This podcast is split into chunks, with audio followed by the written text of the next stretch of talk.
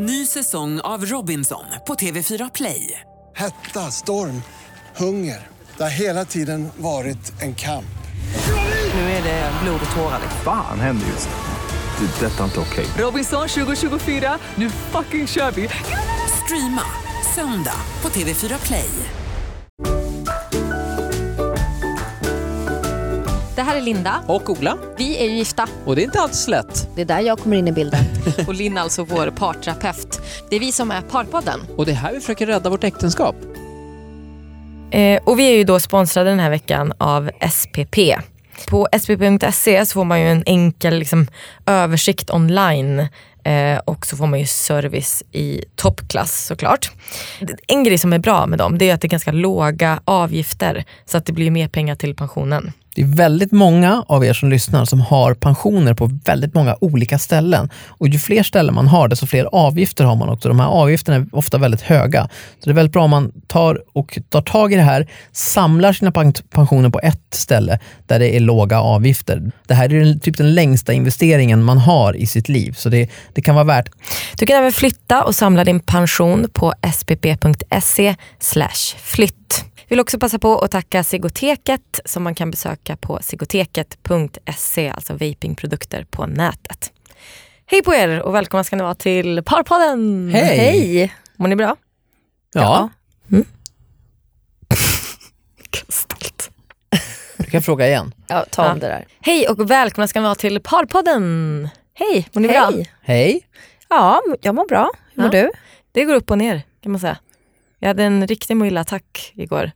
Ja, du fick för att du hade fått kräksjukan. Ja, men jag tror bara det var magkatarr. Jag tror att man har stressat och typ ätit fel. Jag vet inte varför vi fick för oss att, men vi äter ju, alltså, hälsosamt är väl dumt, men alltså säga, men... Jo, men, handlar- men minns den här exemdieten som jag pratade om tidigare i podden, där det är så här, inga kolhydrater, eller inga snabba kolhydrater i alla fall. Man, man får äta quinoa, råris, ja, typ. bönpasta. det är det. Men så gick vi ju bananas här i fredags. Vi skulle göra våfflor, hade vi, var det min idé? Jag vet inte, jag Ja. bara fick så feeling att oh shit vad men vi har kollat på den här serien The Casual Just på det, HBO. Mhm. därifrån är det såklart. Mm, och han gör våfflor varje dag till frukost det är så jäkla gott. Så amerikanska, här tjocka. Och så kör de det liksom varje dag. Men så färskpressad apelsinjuice. Åh, ja, det ser så jäkla gott ut. Men när ja. man väl äter det där, det är ju äckligt alltså. Det bara lägger sig som en klump i magen. Och sen så blev det så att det, det satte tonen för hela helgen, så här, matkonsumtion. Vi bara spårar ur totalt. Nej men då åt man ju våfflor till frukost också då, Såklart. det blev kvar.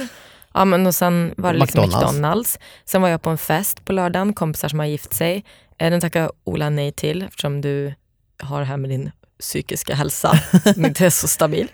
Nej, men, och då var det så här, massa, då hade de en bartender hemma som de hade hyrt in. Mhm. Ja, och då fick man ju välja på två olika drinkar som var sjukt goda men det är ju mycket socker i Mm. det där. Ja, men så att jag tror bara min kropp fick liksom en chock tror jag. Plus att du stod ju och ägde hummusskålen. men alltså. Kändes när du kom in, in i sovrummet. Bara, Nej men alltså jag åt så mycket på den här festen. Alltså jag stod typ vid bu- buffébordet och bara mata in liksom. Alltså på riktigt åt jag typ en halv liter hummus. På riktigt. Och sen kom det ju en kille vars tjej är gravid.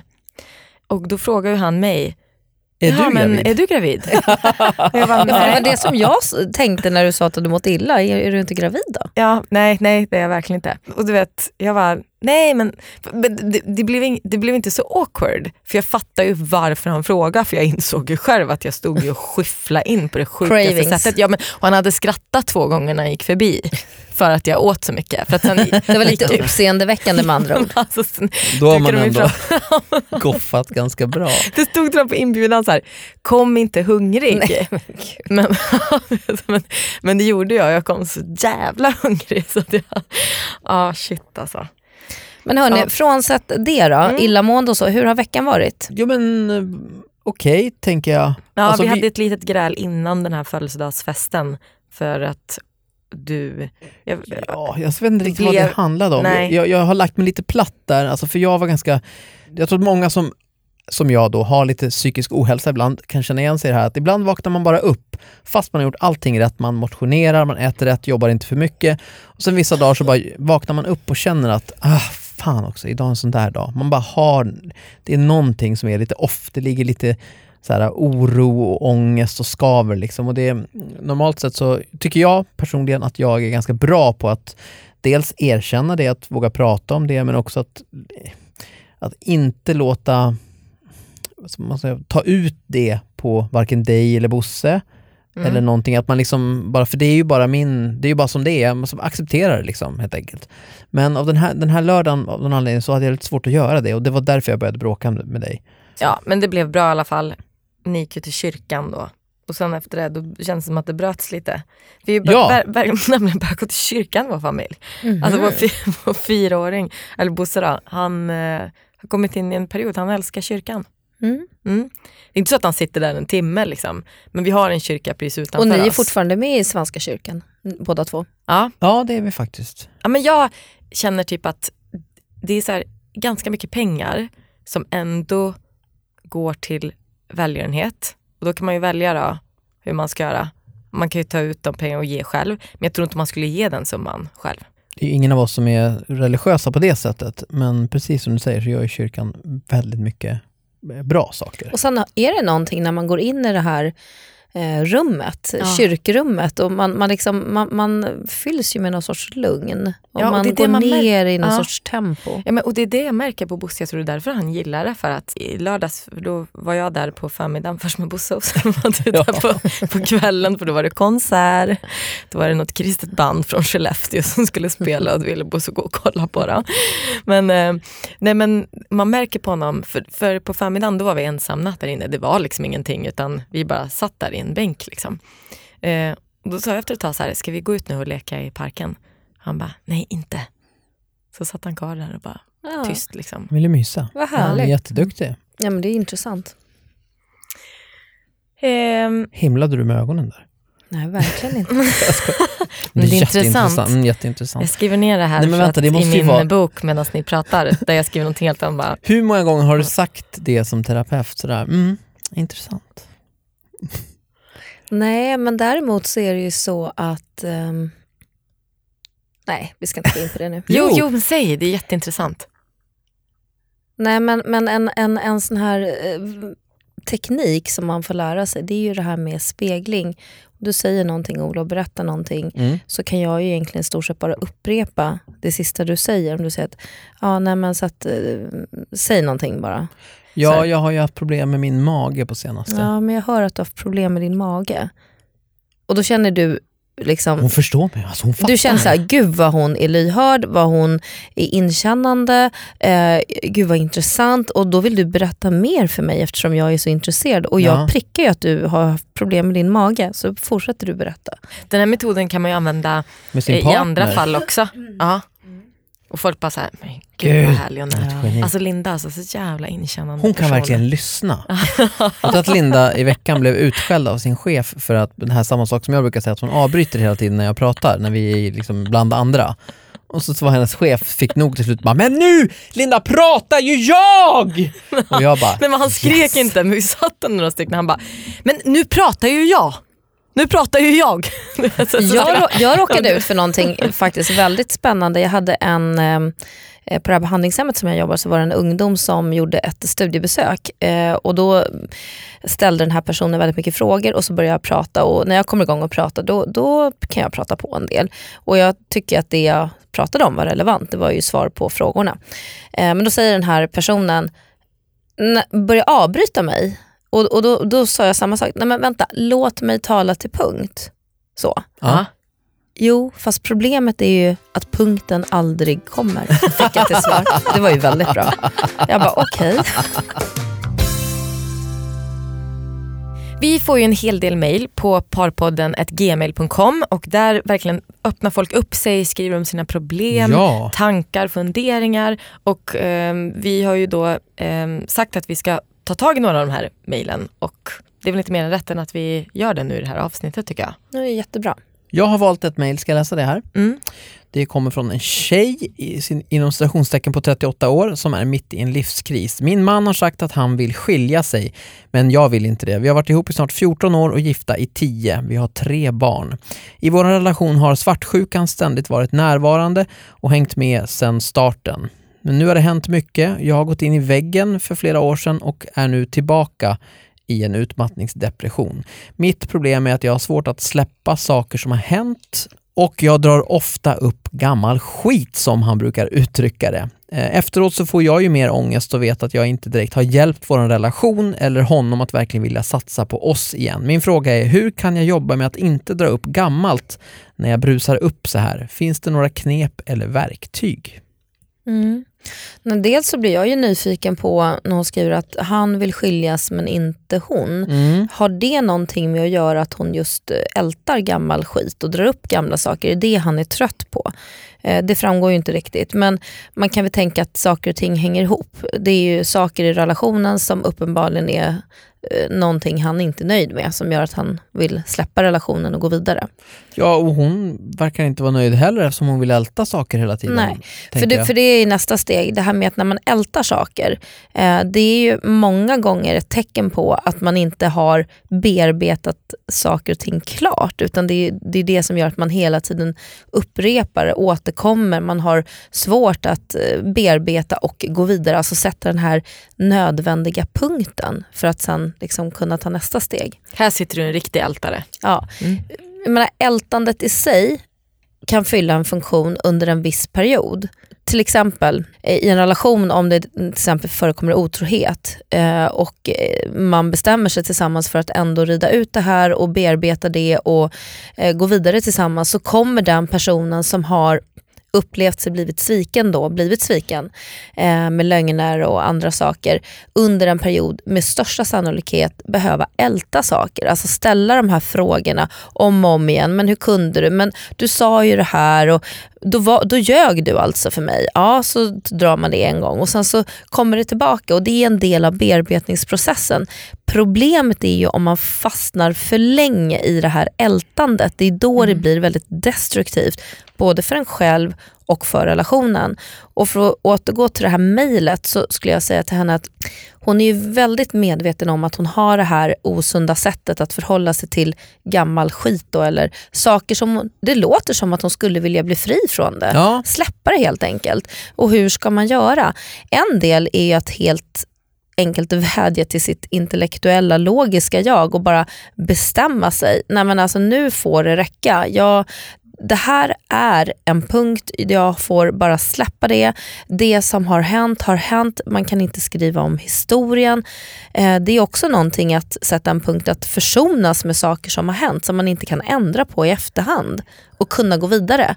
Så dels är det en sån del tror jag som hon, det låter ju som att det är en kraftfull person även om hon har gått in i en utmattnings depression nu så låter det ändå som att hon har koll på läget, hon har koll lite grann på sitt eget beteende. Kan hon så att säga, resonera sig till att bestämma sig för att Nej, men nu får det faktiskt räcka, jag måste ta eh, ställning här. Mm, Okej, så den ena grejen är att man måste bestämma sig själv. Ja, om man har den kraften och jag tycker ändå att det låter som att den här kvinnan har både koll på sitt eget beteende och en stark önskan om att vilja förändra någonting. Hon mår ju inte bra. Är, det står ingenting här i mejlet om, men det vore kanske en bra idé också att gå i parterapi här. Eh, Det, det står ju inte att de gör det, så det kan vi väl rekommendera i så fall också. Absolut. Om jag läser mellan raderna här så låter det som att hon har gått en del i terapi och kommit fram till en del saker. Hon har säkert kommit i kontakt med olika personer, professionella personer i samtal med sin utmattningsdepression Ja. och liknande, det får man ju anta. Många gånger, och det gäller egentligen all terapi, men parterapi, varför det många gånger kan bli väldigt svårt, det är ju när den ena parten är den som är drivande, vilket det oftast är. Ja, men nu måste vi faktiskt göra det här, att det nästan blir som ett ultimatum för att jag står inte ut längre. Jag orkar inte med att ha det så här om inte vi, du, du måste gå med på det här att vi går iväg och pratar med någon för att nu funkar det inte. Då blir det ju lite grann att man är, gör det lite mot sin vilja eller för att alla förändringsprocesser som kräver någonting, de måste komma inifrån. Som terapeut så kan man bara bistå men man kan aldrig vilja någonting mer än sina klienter. Vill inte klienten förändras, vill inte klienten vara nyfiken på att förstå och förändra någonting så spelar det ingen roll hur duktig terapeuten är. Nej, Eller hur mycket ens partner vill Ja. att man går dit. För det där har hänt eh, en bekant till mig. De gick ju i parterapi eh, och då, han var ju inte redo för det. Nej. Eller så. Och, och det, gick ju inte, så de separerade.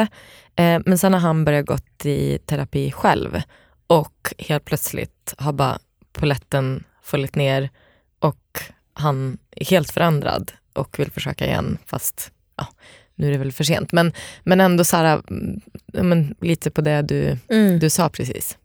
Att Så är man att inte absolut- redo för det så Nej, så ingen roll. absolut så tycker jag att du som har skrivit det här eh, mejlet till oss, föreslå gärna parterapi. Förklara att det, att det kan vara en möjlig väg för, för er att eh, reda ut era eh, problem och kunna ha det roligare tillsammans och må bättre. Eh, absolut. Men det här med att hon ältar saker då. Vad ska man som partner göra om man är tillsammans med en ältare? Är det liksom, ska man helt förbehållslöst bara låta den här personen mala på eller ska man försöka få den att komma till något avslut? Eller hur, hur gör man som, som andre part med en sån människa? Absolut. Finns det några tips Jo, men jag, jo, jag tänker så här. Ett tips eh, det är ju att man faktiskt bestämmer, om båda två är väldigt medvetna om att, ja, men som i ert fall, att Linda är en ältare och då vet ju du lite grann vad du har att förhålla dig till Ola. Eh, man kan välja att gå i clinch, man kan bli irriterad, man kan stänga av, man kan bli tyst, man kan gå därifrån, man kan själv bli arg. Eh, men ett konstruktivt sätt är ju faktiskt att säga att, vet du vad, nu har vi en eh, ältar kvart om dagen. 15 minuter om dagen så ältar vi. Då får du älta och jag lyssnar. För gud gre- vad härligt. Grejen med ältandet är ju också att någon sitter och tar emot. Man Ja. kan ju inte stå och mumla för sig själv i spegeln. Man, visst, man skulle, skulle det funka skulle det vara bra att man står framför sin egen spegelbild och ältar på. Nej, men då blir man ju Men- bara förbannad. Ja, så precis. gör jag. Jag pratar ju för mig själv. Då blir jag ju ännu mer arg. Ja, Jag så hetsar ju upp mig själv. Poängen är ju att man ändå har någon som är villig att sitta och höra på detta malande, detta ältande, det som kan vara väldigt provokativt. Men om man då ramar in det här genom att benämna det som en ältarkvart, en ältarkvart om dagen. Eh, så när Linda är på väg, upp, upp, upp, du, eh, du har tid klockan sex för ält ältandet, det tar vi då. Alltså det blir också lite humoristiskt. Nu, nu kanske det inte alltid är så här roligt men det är samma sak som jag har varit med om när jag träffar par som går in i nya relationer och det, de här nya bonusfamiljerna där det finns så mycket galna ex som härjar runt och hur de här galna exen kan infektera den nya relationen för att man hela tiden, ja ah, men nu gjorde han si och du vet när jag skulle hämta på dagis då hade han lämnat det här och ditten och datten. Där behöver man också för att sanera sin relation bestämma att 15 minuter om dagen ägnar vi åt våra ex till att och, och kasta skit på dem och prata om dem för sen kan vi vara konstruktiva. Gud vad bra. Jag kan också prata om saker och jag har behov av att du ska lyssna och ofta det jag försöker komma fram till då, det är att förstå en situation. Eh, och det gör jag då genom att jag berättar den för dig så brukar jag ofta säga ja men nu och så när jag har förstått situationen då är det för mig, då, då är det är det över. Då, då kan jag lägga det bakom mig. Medan jag upplever att du det är inte det du vill. Jag tror att det du vill att, att jag ska hjälpa dig att lösa någon slags problem, så här klassiskt manligt kvinnligt, du har ett problem, jag ska lösa det. Ja. Men, men det känns inte som att det är det du vill utan går det att säga vad är det du vill? Men då vill man väl bara att någon ska lyssna. Och, men vad är poängen med det? Ja Alltså, men att, så här, att det Att blir få ur bättre, sig. att få ur sig saker. Ja. Okej, Det är ja. någon sån här katarsis-effekt, liksom att bara få vräka ur sig. Eh, när man har fått ur sig det där första primitiva reptilhjärnans liksom, eh, onyanserade, osensurerade bara blä, då kan man också faktiskt vara mer konstruktiv och Mm. eh, formulera sig på ett annat sätt. Tänk, använda hjärnan på ett mer konstruktivt sätt. Jag upplever att de här, ni kanske inte alls hajar eller jag är dålig på att förklara, men jag upplever att många gånger när de här ältningsprocesserna eh, kommer igång, nu pratar jag om dig då, eftersom det är vi som oftast pratar, då är det att det handlar om en, om man säger att det handlar om egot. Att någon har på något sätt sårat ens, alltså klivit in eh, innanför någon slags inre gräns eller påverkat den på något sätt och man har svårt att förhålla sig till att en annan människa liksom har sårat den eller vad det nu kan vara på, på olika sätt. Och det där, förstår ni vad jag menar? Absolut. Mm. Många gånger med ältandet är ju för att det är någonting som man känner skaver som någonstans inte riktigt vill släppa taget. Att man känner att ja, men alltså, för mig är inte det okej att en person säger på det här sättet. Alltså jag, jag har väldigt svårt, eh, och, och då kanske man vill fråga den personen man ältar med, alltså hur skulle du reagera? Skulle du tycka att det var okej? Nej, det skulle. Nej men precis, för jag kände, och så behöver man dra det igen det här med hur förorättad man känner sig eller hur eh, illa behandlad man kände sig eller kränkt man kände sig, vad det nu är. Vi, vi ger egot alldeles för mycket betydelse när det egentligen är, det är så himla skönt att bara släppa det. Alltså för det spelar egentligen ingen roll om, alltså om någon person sa någonting till mig som eventuellt sårade mig i den stunden. Det är bara alltså det här med det här egot som vi, det ska vi egentligen inte ha. Det är ju väldigt destruktivt att gå runt och försöka upprätthålla någon slags, och jag är så här och du är så här och sen står du så här och då blir det så här. Vad blir det för bra av det? Ja men det har man ju jobbat med folk med som bara, varför var jag inte kopierad i det här mejlet? Ja, man bara, men gud det kom för 30 minuter sedan, lugna ner dig. Liksom. Du, du Mm. kommer nog få så här, bara, Då, då tänker man ju hierarkiskt. ja. När man egentligen ska tänka att alla vi, vi tre som sitter här, men även alla som lyssnar på det här och alla som inte lyssnar på det här, alla vi är en stor kärleksbubbla och ingen ska behöva vil, vilja vara mer eller mindre än någon annan. Att, det där, att ens ha det som grundinställning, att man ska liksom, "Åh, jag är över dig eller under dig eller över dig, så, det leder ju bara till skit. Ja. Om man bara skiter i det, så här, ja nu blev det så här du, Eller försöka tänka bara så här, ja men den här människan som skickar det här mejlet, alltså det kan vara jag som skickar den. Man bara, eh, vilka ska ha det här då? Den, den, den, den kanske. Ja det blir bra, hej hå. Man skickar iväg någonting. Det är inte så att man tänker så här, men den här personen vill jag inte ska få mejlet. Det är ändå information som jag skulle vilja hålla bara med de här personerna. Nej men alltså, förstår du, men, och det här kan man ju applicera på allt möjligt, men det som du säger med egot där vi har liksom, pendeln har slagit så långt tycker jag med att vi ska vara så autonoma, vi ska vara så självständiga, vi ska vara så självförsörjande. Alltså det gäller ju allt från liksom, barnuppfostran, karriär, eh, allt. Vi ska klara väldigt mycket själv. Autonomi och eget ansvar. Men det, det hör man ju också i själva ordet, tänker jag, ansvar. Att svara an, det betyder att man svarar an mot någon. Det vill säga det måste finnas en mottagare, det vill säga vi är i en relation, vi har en dialog. Men vi är inte själva, ensam är inte stark. Vi är inte starkare än den svagaste länk. Den här kärleksbubblan som du pratar om Ola, eller att se allting som att det hänger ihop. Okej, så sammanfattningsvis eh, på det här mejlet så är det dels att man måste sätta en gräns för sig själv. att Så här, nu är det fan med nog. Nu slutar vi med ältandet. Kan man inte det och man känner så här, nej, men det är fortfarande saker, jag, jag behöver liksom få ur mig det här. Att då köra 15 minuter per dag, älta kvarten. Ja, men det kan vara vi bra. fritt fram. Men generellt sett är det ju bra om man kan liksom helt släppa att bli, vara en ältande person. Det är ingenting som någon Det går vill väldigt vara. mycket energi åt fel saker. Den här veckan är vi sponsrade av Psykoteket och det alltså handlar ju då om vapingprodukter. Ja, e-cigg säger en del också. Det finns Mm. på nätet och i fysisk butik. Jag vapar ju, slutade röka för två och ett halvt år sedan och gick över till det här e-cigg då, eller vaping. Och det är många som frågar mig, jag jobb, jobbade i Cigotekets butik i två timmar eh, förra veckan. Och då var det flera stycken nybörjare som kom in och så ville att jag skulle dra men, grejen från början. Och Mm. en gemensam fråga från dem var, det var om det här luktar, alltså om det sätter sig i kläder och i bilen och i möbler och sånt där. Och det, det måste jag säga, det gör det ju verkligen inte. Nej.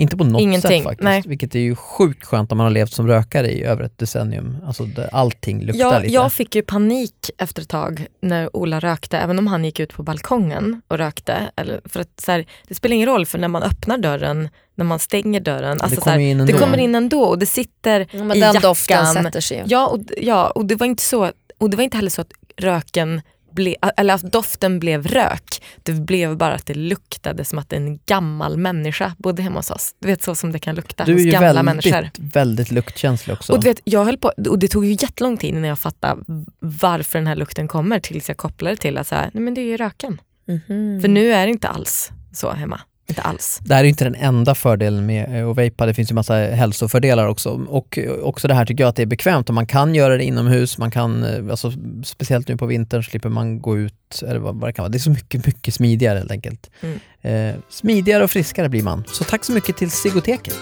Som man kan besöka på sigoteket.se. Då är det alltså dags för mail nummer två och här handlar det lite om ekonomi. Hej Parpodden! Jag och min kille har varit tillsammans i två år och bor nu tillsammans sedan ett tag tillbaka. Eh, redan från början var vi nästan bara i min lägenhet så det blev naturligt att det var där vi skulle bo och nu hyr han ut sin lägenhet till en bekant för 14 000 kronor i månaden. Vi är nu väldigt oense om hur vi ska göra med de här pengarna. Normalt sett är vi generösa mot varandra med allt och även pengar så därför är det väldigt märkligt att vi tycker så genuint olika i den här frågan. Eh, han vill ersätta mig med 4 000 kronor, alltså halva kostnaden för min lägenhet i månaden och ta resten av pengarna själv. Jag vill att vi ska dela på pengarna som han får in eh, från sin hyra. Då. Mm. Vad ska vi göra? Gud, vi pratar ju aldrig om sånt här med pengar. Vi har, varit, vi har ju varit väldigt så här, "Oh, whatever. Vi Men vi har ju bestämt oss för att vi inte ska bråka om pengar. Har vi det? Ja, du har ju varit väldigt tydlig om det. Alltså, Har Ja. vi det? Ja men gud, det var så, redan när vi bara hade varit tillsammans några veckor kändes det som att du bara så här, en grej, mina föräldrar har bråkat väldigt mycket om pengar och det har ju, alltså i min familj och också, speciellt på min mammas sida eftersom hon har varit ensamstående, alltså så här, det har varit väldigt mycket prat om pengar. Mm. Har man köpt någonting dyrt, då ska man ha ångest och dåligt samvete för det. Det är liksom mormor, mamma, jag ser det nu på min kusin som bor hemma hos min mamma. Så här, hon önskar sig en, eh, det här var några år sedan, en Helly Hansen-jacka, så vindjacka. Ja, för det första kommer hon ju hem då med två storlekar för stor, för det är bra men får en analstickad tröja under, den där ska du ha hela livet den. Hela livet ska du ha den här jackan. Herregud. Men du vet, så då att faktiskt min mamma så bara, ja, men hon kanske inte behöver ha den hela livet. Det är lite så här, äh, speciellt att någon som går i sjuan ska köpa en jacka och den ska hon ha hela livet. Liksom. Ja, men så de bytte i alla fall till en mindre storlek som passar men det var ändå ett jäkla tjat om den här jackan. Och jag bara kände så här, men det är ju därför jag har det här. Så fort jag unnar mig något så är det alltid kopplat till lite ångest. Eller att jag ofta kommer med en förklaring. Så här, mm, men du vet, jag skärde in på det här vet du, ska ju färga håret själv nu så jag tjänar ju tusen spänn där eftersom jag köpt toningen. Men du är ju, Själv. du är Nej, väldigt man- ekonomisk, det är du absolut, du slösar inte pengar men däremot så Ja men det har ju blivit bättre. Ja, Jag försöker ju hjälpa dig, att jag fick ju släpa med dig för några år sedan när det var så här, det var en väska som du ville ha på Marc Jacobs, som var, du har ju absolut, det är typ den enda märkesväskan du har köpt också. Men jag fick ju verkligen dra dig. Ja, dra dig ner till butiken och bara du har ju råd, köp den där väskan nu. Så nu går vi, jag ställde den på bänken, nu ska vi köpa den där. Så, och sen Ja. köpte du den, du har, och sen har du ju fan haft den, du har haft den tills den gick sönder. Ja. Men, men däremot, jag märker ofta, jag får ofta, vi lever ju extremt privilegierat. Vi har ju inte behövt ha ont i magen över pengar på jättelänge. Nej. Alltså- vi, vi hade ju det lite i början, då vet jag att det var så här, oh, man ska gå till tandläkaren. Bara, nej det går inte. Ja, Man nej, det, det, absolut. Men sen efter det har det liksom styrt upp sig och så har Ja. vi väl rätta mun efter matsäcken också. Men Mm. jag märker ändå att du har det i dig, oro för pengar. Alltså Ja. även nu, alltså, alltså jag hörde dig i telefon häromdagen prata med, om det var Emma eller någon kompis, där, ja nej men gud det, det blir bra för det, vi har inte mycket pengar just nu. Och jag så här, kollar på vårt bankkonto och bara, när har vi någonsin haft mer pengar än vi har nu?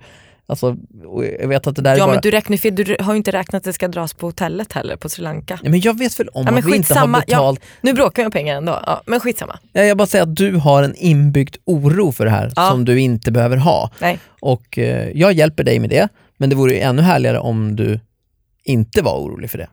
Det vi kan säga är ju att väldigt många par har ju ändå eh, konflikter kring pengar. Eh, och uppenbarligen det här mejlet så är, är det ju bekymmersamt för dem hur, hur de ska göra. Hon känner ju sig väldigt obekväm i detta. Eller de är väl obekväma i detta. Men det är också en obekväm situation eftersom bostadssituationen och allt det där, det är så himla speciellt i Sverige men särskilt i Stockholms innerstad som de här två bor.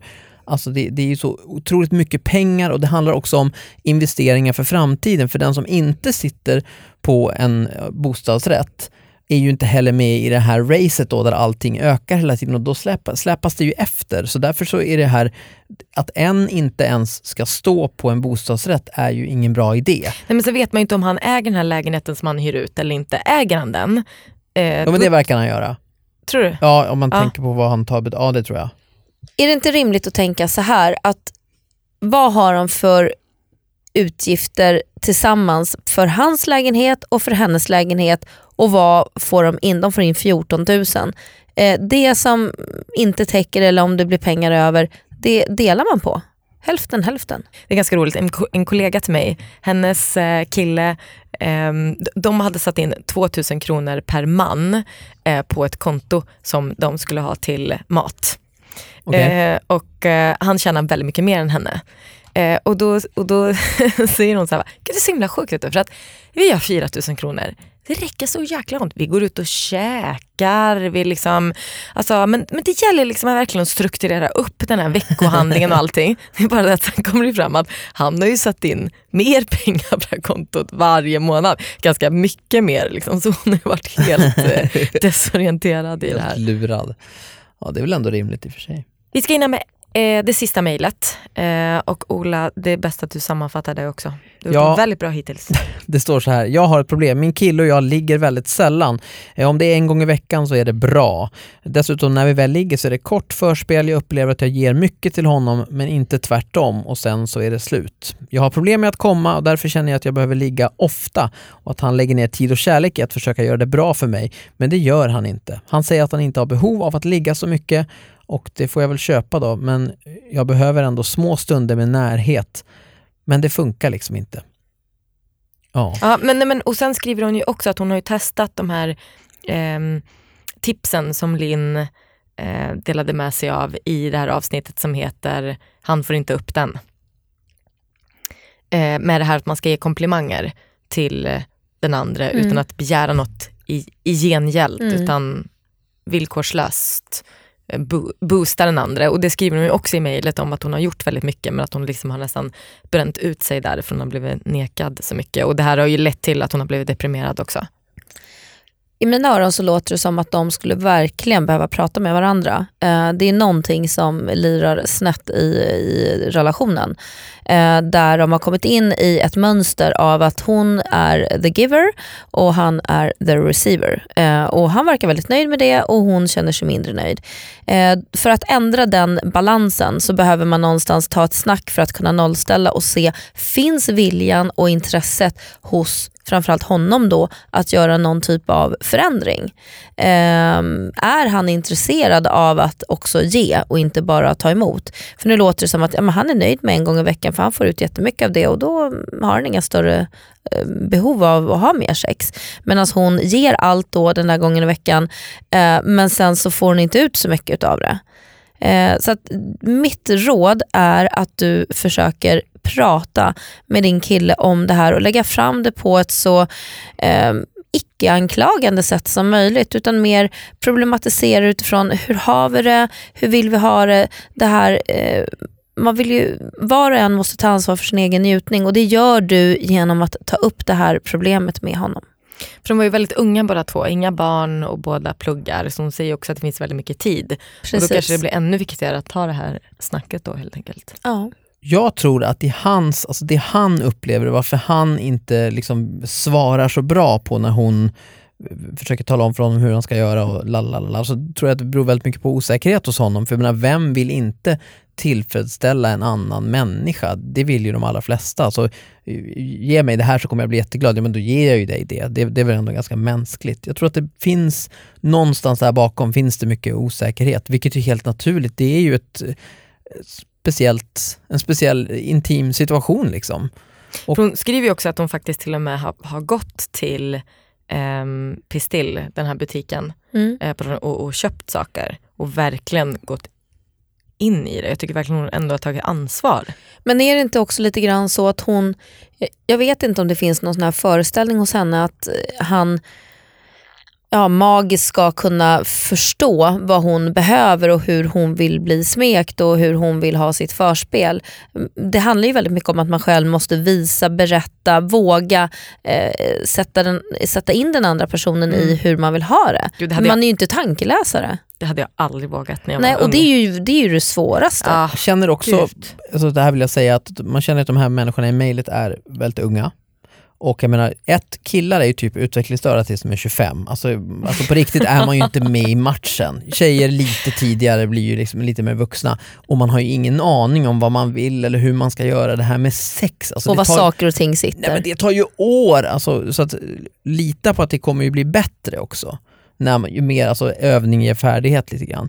Och sen så, om man lär känna sig själv så blir man ju bättre på att, precis som du sa egentligen, alltså, om hon lär känna sig själv, det här funkar för mig, då kommer hon bli jättemycket bättre på att förklara det för honom också. Sen är det också någonting väldigt viktigt i och med att de här är väldigt unga. Det finns ju någon sån här magisk föreställning om att bara man har ett penetrerande samlag så får man massa multipla orgasmer. Så är det f- icke Aldrig för hänt. flertalet kvinnor. Aldrig. Utan det krävs, för de allra flesta kvinnor och tjejer så krävs det en stimulering av klitoris och eh, det kan man göra med hjälp av en vibrator eller handen eller oralsex eller gnida sig eller gnugga sig. Det finns massor med olika sätt. Men Många det här, olika sätt. men det här att bara ha in och ut, det är det faktiskt inte alls speciellt många tjejer Värdelöst. som får orgasm. Ja. på det sättet. Och jag tänker att det är många unga tjejer som kanske har den föreställningen att ja, men nu ligger vi med varandra men det händer ingenting. Börja gnugga.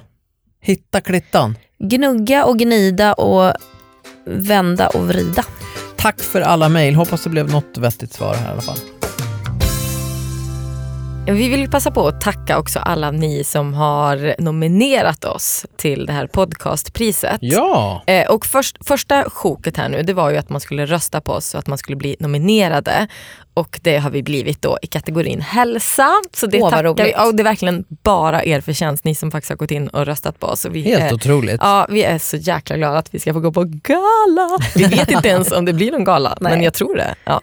Och det Eh, hänger ju på er som lyssnar nu. Ja, men om det precis. blir det. För nu kommer man ju in i det här andra, alltså så jävla klassisk grej, det här jävla röstandet alltså. Att, man ska, att vi ska behöva tjata nu på alla igen. Men, ja, nu, för nu har det här nollställts. Nu fortsätter röstningen och då eh, för att vi ska vinna då i kategorin så behöver vi er röst och länken finns på alla våra olika Instagramkonton. Lustig Linda, Ola Lustig, Linn Hed och så Parpoddens Instagram så finns länken i biografin där.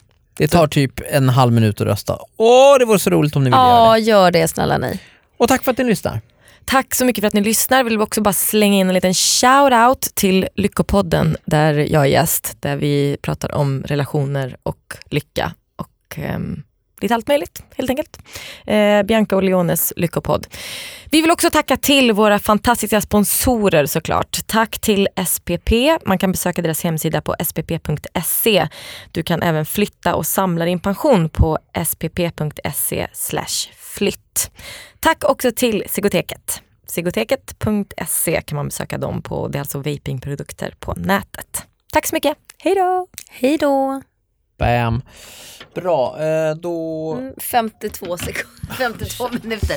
Vi skulle hålla det till 30. Jag måste gå på toa. köra direkt. Ja, spring ett Jag hämtar Jonas. Mm. Okej. Då kan du säga till Jonas. Att han kommer in och stänger av och sätter på igen. Ehm. Fan, jag hade ju en sån jävla bra grej på det här med pengarna. Kom jag på nu. Jag kör den nu, bara Jonas om du vill. Ny säsong av Robinson på TV4 Play. Hetta, storm, hunger. Det har hela tiden varit en kamp. Nu är det blod och tårar. Fan händer just nu. Det. är Detta är inte okej. Robinson 2024, nu fucking kör vi!